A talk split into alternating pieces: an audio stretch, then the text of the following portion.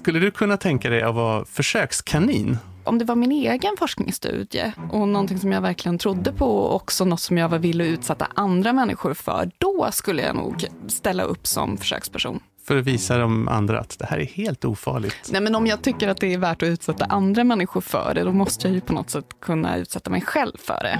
Det känns ju rimligt. Men skulle du kunna tänka dig att gå så långt så att du liksom isolerar dig själv från omvärlden, inklusive din familj? Hur länge? Ja, men Ett dygn? Ett dygn skulle du kunna det? Ett dygn skulle Ett jag dygn klara. skulle du klara? Ja. Okej. Skulle du klara en vecka? Nej, det är nog på gränsen. Okej, så ett år det är liksom... Nej, det är tvärkört. Det skulle jag aldrig göra. Du skulle inte vara den här som anmäler sig och åker till Mars liksom? Nej, definitivt inte. Du då? Nej. Välkommen in i riskzonen. Jag heter Mattias Öberg och är toxikolog. Och jag heter Emma Frans och är epidemiolog. Vi arbetar på Karolinska institutet och en viktig del av vårt jobb är att bedöma olika typer av risker. Och i dagens avsnitt så ska vi se in i framtiden och de risker som kan möta oss om vi vill resa till månen eller kolonisera andra planeter eller kanske bara försöka sköta vår egen planet. Mitt ute i Arizonas torra landskap står den. En byggnad lika stor som två fotbollsplaner och som glänser i vitt. Med den kupolformade arkitekturen och sina tusentals fönster ser den snarare ut som en farkost från en annan planet. TV-team trängs runt den solbelysta entrén för att få en bra bildvinkel när åtta utvalda personer ställer upp sig utanför ingången. De är klädda i formsydda uniformer inspirerade av Star Trek och de strålar av förväntan inför uppdraget. Nobody was building a long term life system to go into space. We thought, here's a niche, let's go for it. Året är 1991 och strax ska de gå in i den futuristiska byggnaden och inte komma ut igen på två år. I byggnaden Biosphere 2 har forskare skapat en isolerad värld, ett gigantiskt växthus med olika naturområden där människor ska ha möjlighet att leva i balans med omgivningen. Ett växthus för livet självt, ett vivarium. Det är det största slutna systemet som människan skapat. 3800 arter, varav människan är en. Fyra män och fyra kvinnor ska leva instängda här för att forskarna bättre ska förstå hur ett hållbart liv kan se ut i framtiden. Kanske på en annan planet, långt, långt ut i universum. John Allen, som är projektledare och grundare, har drömt om detta ögonblick i över 20 år, sedan de alternativa festivalerna 1968. Eftersom han anser att kommersialism håller på att ödelägga civilisationen vill han skapa en alternativ värld i form av ett experiment. Västerländsk civilisation är inte bara döende, den är död. Vi sonderar ruinerna för att ta med oss det som kan vara användbart för att bygga den nya civilisationen som ersätter den gamla. Deltagarna Roy, Jane, Tabor, Mark, Sally, Abigail, Mark och Linda har valts ut av den karismatiska projektledaren. Han har skapat ett team med olika kompetenser. En är läkare, en djurskötare, en mekaniker och en marinbiolog. Det finns personer med kunskap om psykologi och nutrition. Tillsammans har de arbetat i flera år med förberedelserna, åkt världen runt för att samla på sig olika arter. Det är som att lägga ett jättelikt ekologiskt pussel. I anläggningen finns både regnskog, öken och odlingsmark och ett hav med korallrev. Allt som behövs för att livet ska klara sig måste finnas på plats och vara i balans. Vattnet, luften, näringsämnena ska flätas samman. De åtta utvalda måste ta hand om biosfären, för de kommer vara helt beroende av den under två år.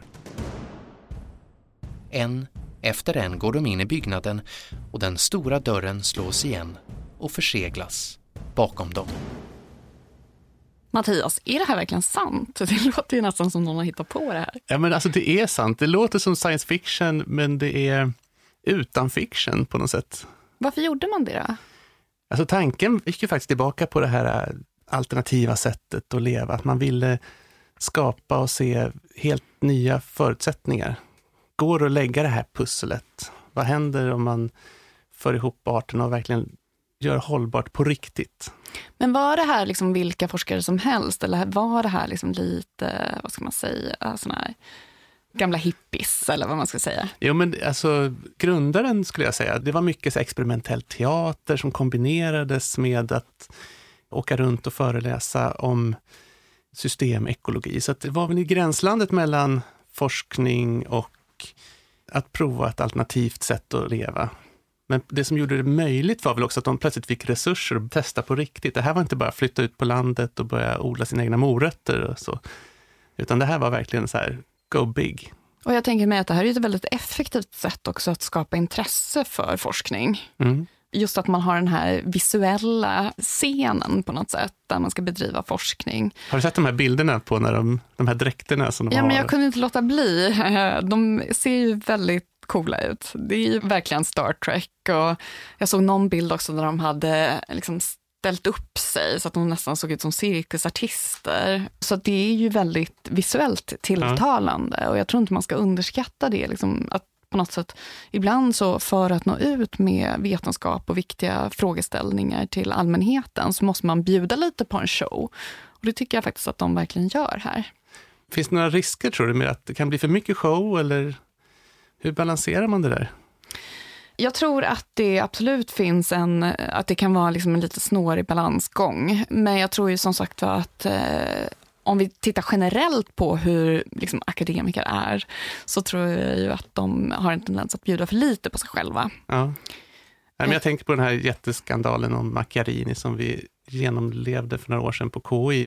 Den här äh, läkaren och forskaren som ville skapa konstgjorda strupar genom att ha liksom en plaststrupe och sen gjuta celler på det här och implantera.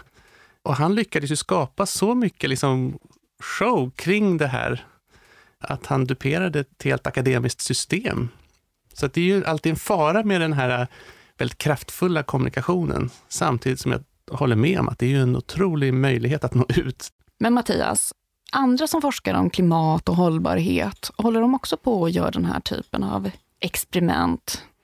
Jag känner inte till något liknande, måste jag erkänna. Men det finns ju forskare, bland annat på Stockholm Resilience Center, som jobbar just med hållbarhet och vad krävs för att vi ska kunna ha ett hållbart samhälle, där man kombinerar olika kompetenser och sådär. Och jag fick en pratstund med deras chef, Line Gordon. Och jag är forskare, jobbar mycket med hållbarhetsfrågor, framförallt vattenresursfrågor och matfrågor. Som menar just dels att man kan lära sig en del av experiment som det här Biosphere 2.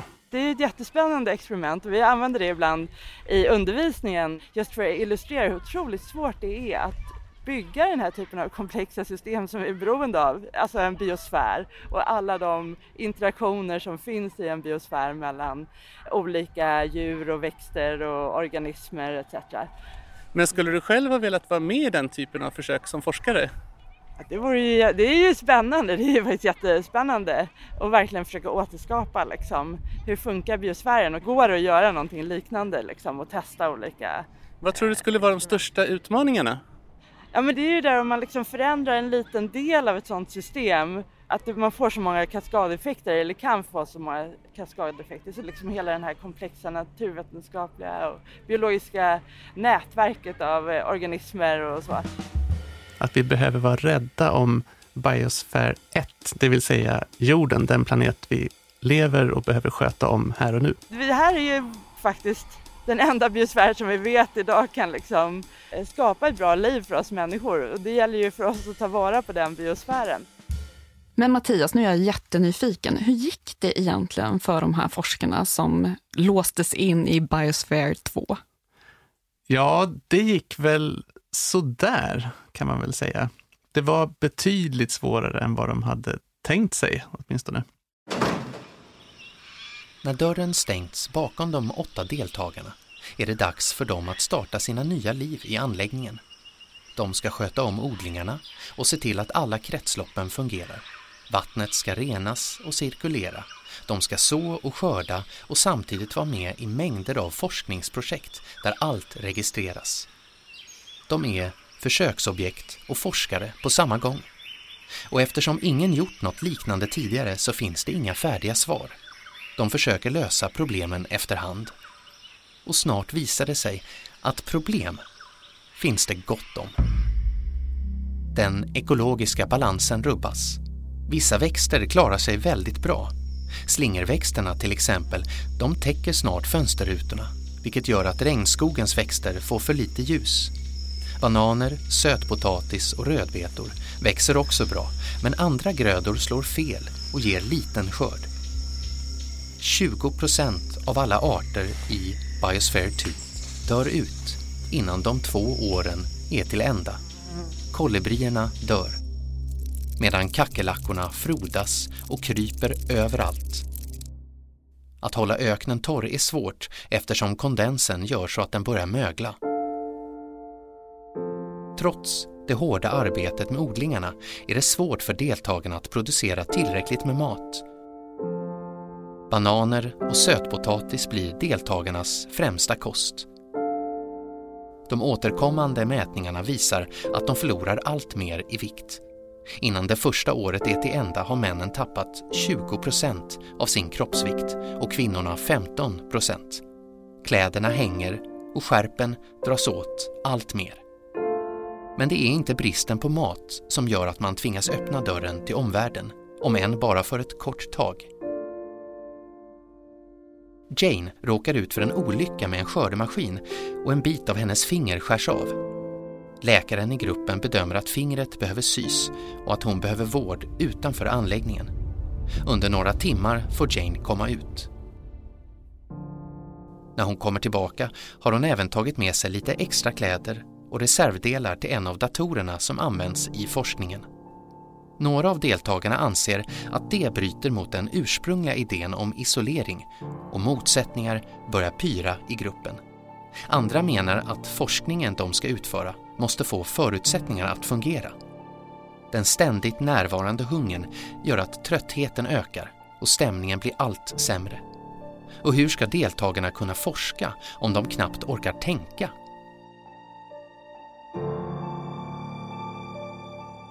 men det är inte bara matbristen som gör sig gällande.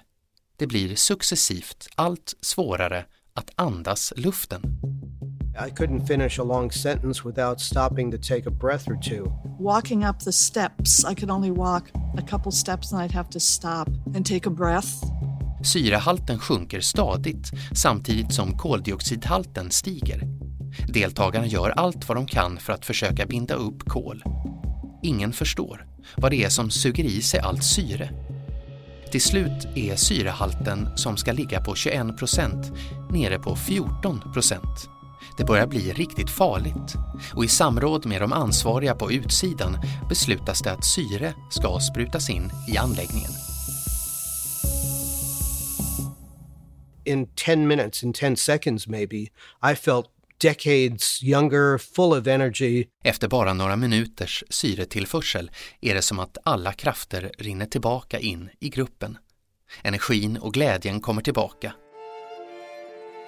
Men till priset av att projektet blir allt mer ifrågasatt. Kan man kalla det forskning när förutsättningarna ändras längs vägen? De tidigare så imponerade journalisterna börjar nu skriva artiklar om fusk och projektet beskrivs av forskare på utsidan som en show med vetenskapstema snarare än riktig forskning. Dessutom kostar det ju massor av pengar och finansiärerna börjar oroa sig för resultatet.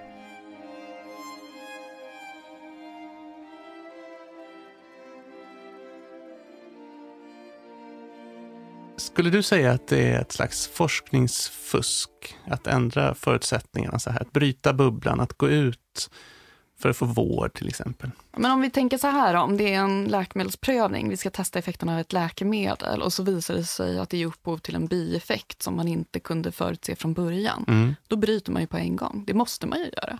Annars är ju forskningen väldigt oetisk. Varför skulle det vara annorlunda här? Mm.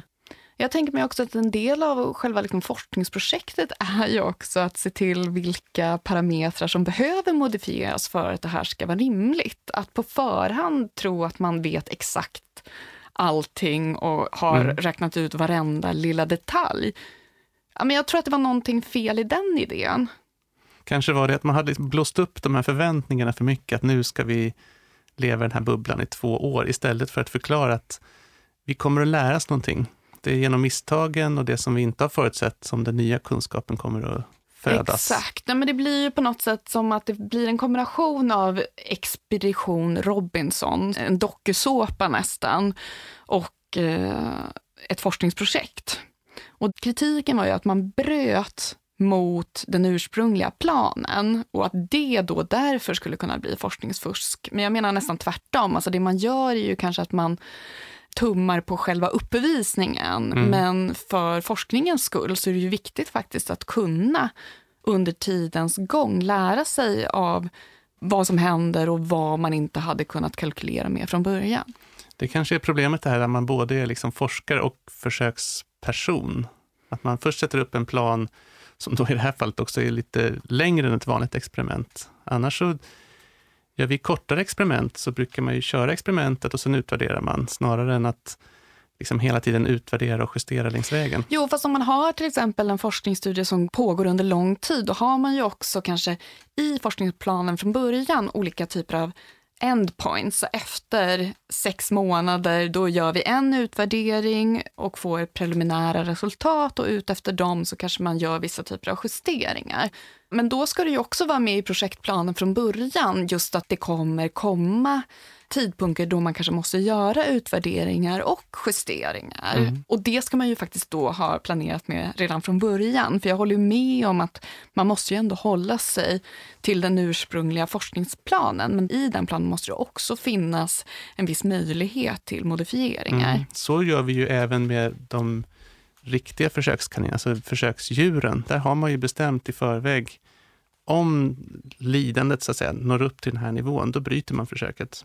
Och det måste man ha bestämt innan, för det är väldigt svårt när man står där, särskilt som forskare, och vill ha sina resultat. Ja, och det är ju inte forskningsfusk. Där skulle det ju vara mycket mer oetiskt att fortsätta experimentet och utsätta de här djuren eller de här liksom människorna för lidande. Första gången jag hörde talas om det här Biosphere 2-experimentet, det var när jag skulle förbereda mig inför en föreläsning om toxikokinetik, hur olika gifter rör sig i kroppen. De här skulle ju leva i två år. De fick inte använda några bekämpningsmedel och andra syntetiska ämnen för att, så att säga, klara sig och klara att skydda biosfären. Så det här skulle vara ett system i balans. Och då tog man prover på deras blod innan. För det här var liksom ett slutet system? Ja, ett helt slutet ja. system. Alltså, syre, koldioxid, allt skulle vara i balans. Näringsämnena skulle cirkulera. Allt det här skulle finnas i miniatyr. Och då tog man prover för att mäta hur mycket gifter hade de i blodet innan experimentet och efter ett år och efter två år. Och den frågan jag ställt till studenterna är att de får gissa. Hur kommer halterna i deras blod att förändras om de nu inte utsätts för några gifter? Och det som händer är helt enkelt att halterna i blodet ökade dramatiskt. Mm, var kom det ifrån då? Ja, men det kommer ifrån att de fick svårigheter med att få tillräckligt med mat. Ja, så att det var deras fettreserver då som de fick använda sig av? Ja, så de brände sitt eget fett och de här miljögifterna finns lagrade i fettet och lämnar inte kroppen, utan det som händer då är att de bara fördelas om på ett nytt sätt och mycket mer hamnade i deras blod. Så vi människor är liksom gående kemikaliebomber? Alltså så skulle man nog kunna tänka. Om jag var marsian och får höra att människorna kommer hit och har de här halterna av miljögifter. Det är, så här, det är farligt avfall. Det är direkt dumpa. Får inte tas in. Mm. Kanske.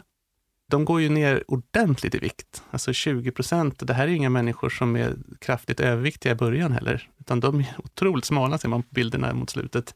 Och det säger ju också någonting om svårigheten att skapa mat. Alltså, vi har höns hemma mm. och de äggen, jag ska jag räkna in bygget av det här lilla hönshuset och allt foder som vi ger dem på vintrarna när de inte lägger några ägg. Och, alltså, det är världens dyraste ägg. Just det. Men det ger ju någonting annat, det ger liksom ett livskvalitetevärde. Men att du ska försörja en befolkning utan konstgödsel och utan bekämpningsmedel, det är riktigt svårt. Och det lät ju inte heller som liksom någon sorts drömtillvaro alls det här. Jag tänker på alla de här kackerlackorna och kolibrierna som dog och sådär. Ja, det är sorgligt faktiskt. Ja, det är ganska sorgligt.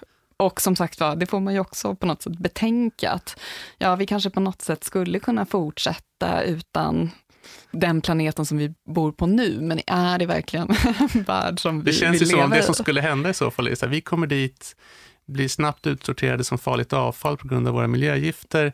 Kvar blir kackerlackorna och alla kommer att tro så att ja, jo men kackerlackorna, det var de som kom från den här planeten, den här blåa planeten borta i andra änden av universum. Vi är ju så beroende av naturen ska funka och ge oss resurser till samhället. Men vad är det för risker du ser då, om vi fortsätter som vi har gjort hittills? Men det finns ju så otroligt många olika typer av risker. Vi förändrar liksom samspelet mellan människa och ekosystem på så otroligt många sätt. Vi förändrar klimatet och det är förutsättningar för hur ekosystem ska fungera. Vi utarmar den biologiska mångfalden. Vi tar ut väldigt mycket vattenresurser från våra floder etc. Och allt det där gör ju att det blir liksom man påverkar hela systemet och riskerar att få olika typer av systemkollapser och så. Och då ger ju det olika effekter och en del av de där effekterna kan vara svåra att förstå hur de kommer att slå mot både ekosystemen och som samhälle. Men som klimatförändringar som ökar risken för torka och sen så slår det mot matproduktionen och man får sämre skördar etc. Eller att det också skapar nya förutsättningar för skadeinsekter och det påverkar skördenivåer och så. Jag tänker också på skillnaden mellan olika typer av risker. Det finns ju de ekologiska riskerna, det här med att vissa arter tar över, de får leva på bananer och sötpotatis till leda. Och sen kommer liksom de sociala riskerna, de här schismerna som uppstår, att folk blir på dåligt humör för att de inte har mat. Ja, men det är slitigt helt enkelt. Att leva åtta stycken i någon slags kollektiv, de är ju också från sina vanliga familjer och så. Ja, men precis. Ja, men det är ju i en sån här situation när man svälter och det är liksom energibrist, alltså man blir ju inte sitt bästa jag. Så jag tror att definitivt förstör vi vår planet och försämrar möjligheterna för människor att leva på den, så kommer ju det här resultera i väldigt mycket konflikter. Frågan är väl, tänker jag lite grann, också kopplingen till klimatförändringarna, att det kan ju leda till havsnivåhöjningar och folkförflyttningar, den typen av saker. Men frågan är om inte den allvarligaste, mer akuta hotet blir liksom de konflikter som uppstår. När, De kommer nog komma först, ja. Och de kan ju slå sönder väldigt mycket och skapa helt andra typer av problem. Medan vi fokuserar på liksom hur många grader hit och dit. Så Fast där tänker jag ändå att det har svängt lite i opinionen, att man faktiskt diskuterar de frågorna lite mer. Det kanske man inte gjorde på den där tiden, men jag tror ändå nu att man börjar se det också när man har haft lite flyktingvågor som man faktiskt har kunnat då, i alla fall delvis, kopplat till konflikter som kan hänga samman med att Mm. man har haft dåliga skördar och sådana saker. Men skulle du säga, om, det liksom, om framtiden nu ser riktigt usel ut då, om man liksom drar det här till sin spets med klimatförändringarna, och var det bättre förr? Skulle du ha hellre levt på, liksom, på den tiden där vi inte hade ett kemikaliesamhälle, utan att vi... Ja, men då var vi mycket mer i balans onekligen. Nej, jag romantiserar inte en sån tillvaro. Och ganska mycket... 1300-talet. Nej, Mysigt. precis. Alltså jag tycker ju liksom ett av de största tecknen på att det är bättre idag är ju till exempel att barnadödligheten har gått ner dramatiskt.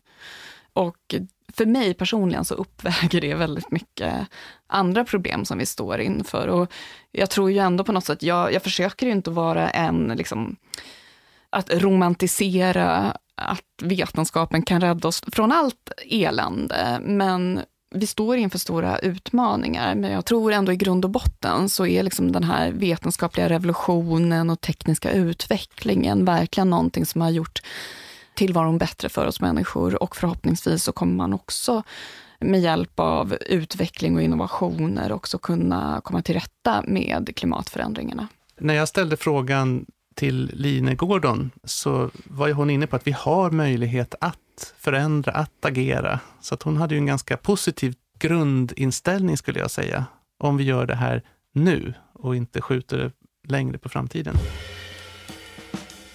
Man brukar säga att vi har väl ungefär tio år på oss att göra lite mer storskaliga förändringar i samhället för att vi just ska undvika de riktigt stora riskerna. Så inom de närmsta tio åren så måste vi börja hantera de här problemen betydligt mer kraftigt än vad vi gjort nu. I princip behöver vi börja nu men vi måste ha kommit långt inom tio år i alla fall. Och vad är lättast att börja med eller vad är viktigast att vi gör under de här tio åren tycker du? Vi behöver jobba på liksom den här mångfalden av eh, saker för det finns inte en lösning som klarar allting utan vi behöver ställa om vårt eh, energisystem och vi behöver ju åtminstone halvera våra utsläpp av växthusgaser under de närmsta tio åren till exempel. Så det är ju liksom ett jättestor sån del. Men så sen så få mer cirkulära system så att vi återanvänder resurser på ett smartare sätt i samhället. Det är väl liksom några av de viktiga sakerna som vi behöver göra. Medan experimentet fortsätter inne i Biosphere 2 börjar allt mer tvivel uppstå på utsidan. Den som finansierat huvuddelen av projektet är Ed Bass, filantrop och oljemiljardär från Texas som beskrivs som den rika familjens rebell. Det är Ed som gör det möjligt för gruppen runt John Allen att inte bara drömma utan att faktiskt bygga Biosphere 2. Men han börjar bli allt mer fundersam över hur satsningen ska kunna bli lönsam. Kanske kan Biosphere 2 bli en kombination av turistmål och forskningsstation för småskaliga ekologiska experiment.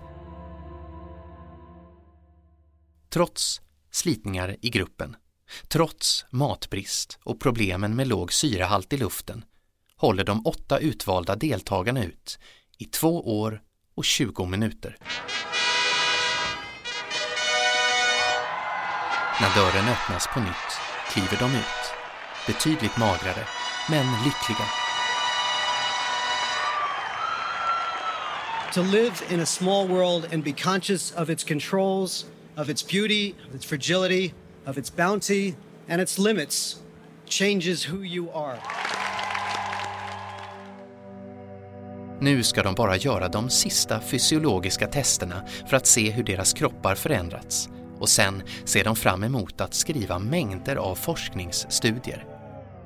Samtidigt kliver en ny driftig konsult fram med uppdrag att få ordning på ekonomin och förvandla anläggningen till något som kan börja generera inkomster. Konsulten heter Steve Bannon. Ja, samme Steve Bannon som 20 år senare ska bli Donald Trumps förtrogne chefsstrateg. Steve Bannon har inte mycket till övers för drömmande 68-flummare. Han tycker att de omedelbart borde rensa upp i det röriga miljöprojektet. I'm sick of these people. I'm fed up. I'm sick of these people. I'm fed up säger han på ett internt möte som en av deltagarna spelar in. Finansiären Ed Bass har gett Bannon fria händer och bland det första han gör är att ge John Allen och gruppen runt honom sparken och förbjuda dem att beträda anläggningen. Men agerandet väcker hämndbegär hos de utkörda deltagarna.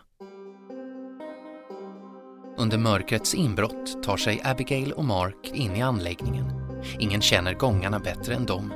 De har ju byggt Biosphere 2 och sen levt där i två år. De vet att ventilationssystemet bokstavligen är anläggningens lungor. Och när de slår sönder dessa upphör byggnaden att vara ett slutet system. Men alltså Mattias, Steve Bannon? Det är lite otippat. Jag Den var jag inte beredd på. det, är så här, det är som en story som har alla delar, liksom, inklusive kopplingar till vår dags storpolitik. Ja, verkligen. Och man är inte förvånad heller. Man har ju på en del de här hemliga inspelningarna, så det är ju liksom precis samma typ av jargong som vi känner igen från Donald Trump. Och det som kom efteråt. Och... Det blir väldigt mycket en konflikt här mellan de här lite liksom flummigare forskarna som försöker göra världen bättre och just de här liksom verkligen som är inriktade på kanske då ekonomisk mm. vinst. Mm. Men vad var, den här, liksom, vad var syftet för Ed Bass från början att gå in i det här projektet? Liksom, han tänkte ändå att det här skulle bli lönsamt på något sätt. Ja, men en del var nog att, så att säga, man ser de miljökonsekvenser som oljeutvinningen, som han då hade fått sin förmögenhet ur, vad det skulle kunna leda till. Och jag tror han såg en affärsmöjlighet i att kan vi lära oss vad som behövs för en hållbar framtid och jag sitter på de patenten, så kan det i sig bli en lönsam affär. Jag tror det var lite av affärsidén. Och sen kom det väl också när man insåg att det fanns ett stort medialt intresse. Det kom ju mycket turister under de här två åren som gick på guidade turer runt anläggningen och liksom Ja, men det såg jag en bild på också, att det var turister som stod utanför och tittade in på de här forskarna när de arbetade. Mm. De var lite sådär liksom djur i bur nästan kändes det som. Mm, och jag tror att det där, ja men är du en entreprenör så kan du väl inse att det där kan man ju börja tjäna pengar på och kanske få en hållbar ekonomi för sin egen del i alla fall. Men tror du att det redan från början fanns liksom en intressekonflikt mellan finansiärerna och de som då deltog i det här projektet? av det som jag har läst om projektet så verkar det inte ha varit så. Och även Steve Bannon i de intervjuer han ger pekar ju på liksom att det här kan vi lära oss någonting. Vad händer om koldioxidhalten ökar? Så att han var ganska inläst på miljöfrågorna, mycket mer än vad man kanske förväntar sig. Men kan det också ha blivit så att just den här mediernas, den här dramaturgiska kurvan, att den också kanske lite påverkade. Att när man helt plötsligt började skriva om det här projektet på ett sätt som inte var så gynnsamt, då kanske man började fundera mer över, ja men jag måste ju få något ur det här i alla fall. Kan jag i alla fall få en sorts ekonomisk Ja, men det är klart, det måste ha varit ett ganska hårt tryck att vara liksom familjens rebell på familjemiddagarna bland de andra miljardärerna att liksom, vad sjutton håller du på med? Nu har vi läst om det här och de börjar pumpa in syre och de fuskar och det här är, varför gör ni det här? Och jag kan tänka mig att det är ett ganska hårt socialt tryck. Mm. Återigen, du pratade ju om stjärnkirurgen Macchiarini, eh, som då var verksam vid Karolinska institutet och utförde de här plågsamma och livsfarliga försöken på människor genom att implantera en plaststrupe. Mm. Men där var det ju också den här dramaturgin som var så himla, att han var så upphöjd, han var en sån stjärna och sen så visade det sig att han egentligen var en psykopat, en karismatisk psykopat. Att det blev ju liksom så smaskigt så att medierna visste knappt var de skulle ta vägen. Mm. Ja men det där är väl någonting som vi gärna dras till. Alltså den här dramaturgiska kurvan finns ju inte bara i media, jag skulle säga att den finns även inom forskningen. Har du ett forskningsprojekt så är det ju ofta så här, yes, vi fick det här anslaget och så startar man upp och man anställer kanske en ny doktorand som första dagen känner sig, wow, nu kliver jag verkligen in bland de riktiga forskarna. Och sen så här, två år senare så sitter man där på sitt kontor och ingen svarar på mina mejl och ingen accepterar min publikation och resultaten gick knappt att tolka, för det var så mycket störande faktorer. Och sen så kämpar man sig igenom det där i bästa fall då, och kommer ut kanske klokare, men också lite, lite ödmjuk för att ja, men det här är bara ett steg och jag kanske har fått flera frågor, men frågorna är lite skarpare. Armstrong is on the moon. Neil Armstrong, 38-year-old American, standing on the surface of the moon on this July 20th, 1969. It's one small step for man, one giant leap for mankind. Men om vi tänker oss att Biosphere 2 hade funkat bra, skulle man då kunna tänka sig att man direkt skulle kunna på något sätt eh, föra över de resultaten till en annan planet? Det är naturligtvis jättesvårt eftersom vi inte vet riktigt förutsättningarna. Det är ju också det som är med så här riktigt spjutspetsforskning. Man vet inte vilka utmaningar som riktigt kommer, men man kan ju lära sig saker om hur det funkar i rymden genom de liksom, expeditioner som görs och vilka problem som plötsligt dyker upp. Vi har faktiskt ett eh, pågående forskningsprojekt på den enhet som jag tillhör, som leds av professor Lena Palmberg, och där studerar man hälsoriskerna med måndamm. Mm -hmm. Om du kommer ihåg de här filmerna där de kliver ner på månen, första liksom månlandningen, så är det ju verkligen att det yr damm runt. Och det beror ju på att det är väldigt små dammpartiklar såklart, men också på att det finns ingen gravitation, Nej. så de far ju runt mycket.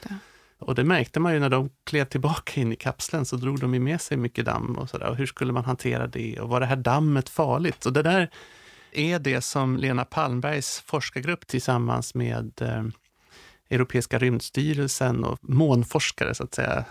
Men är det damm som kommer från de här månlandningarna? Ja, Eller har man skickat dit sonder som man kan ju in? göra på lite olika sätt såklart, men dammet på månen karaktäriseras av att det är mycket liksom skarpare kanter på. Det har ju inte stötts och blötts mot Ja, det vasst, atmosfären. liksom. Så det är vassa små partiklar som då kan tränga in lättare, kan man ju tänka sig, i lungorna till exempel.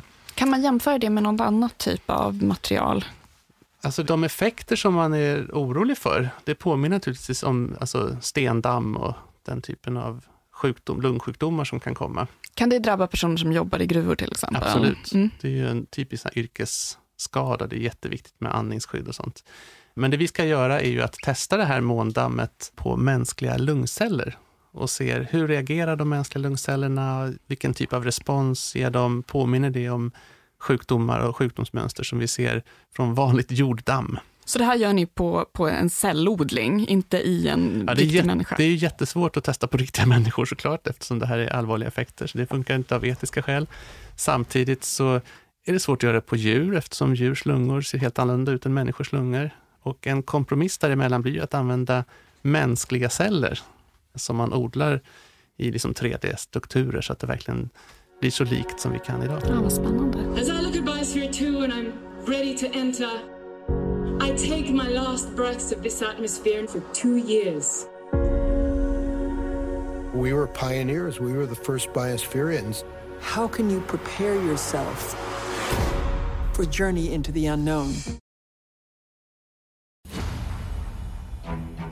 Men Mattias, om du skulle ge liksom ett slutbetyg för det här projektet Biosphere 2, alltså ger du det ett högt betyg eller ett lågt betyg? Var det ett misslyckande Alltså, eller var det det- en seger? När det kommer till kommunikation, undervisningsmöjligheter, så måste man säga att det har varit framgångsrikt. Vi pratar om det idag, trots att det är ganska länge sedan nu. Och samtidigt så har det ju inte egentligen fötts enormt mycket forskning ur det här som har blivit banbrytande. Jag skulle tro att den, lite det som Line var inne på, alltså den största lärdomen är kanske hur svårt det är och de saker som lätt går fel och hur viktigt det är att man har balans mellan ja, men koldioxiden i atmosfären till exempel och livet. Ja, men jag tänker mig också, jag menar visst var ju projektet ett misslyckande. Men samtidigt den kunskapen som vi fick av att det är väldigt svårt att lyckas med den här typen av projekt är ju också någonting som vi kan dra väldigt mycket lärdom av. Mm. Just det här hur viktigt det är att faktiskt ta hand om biosfär 1.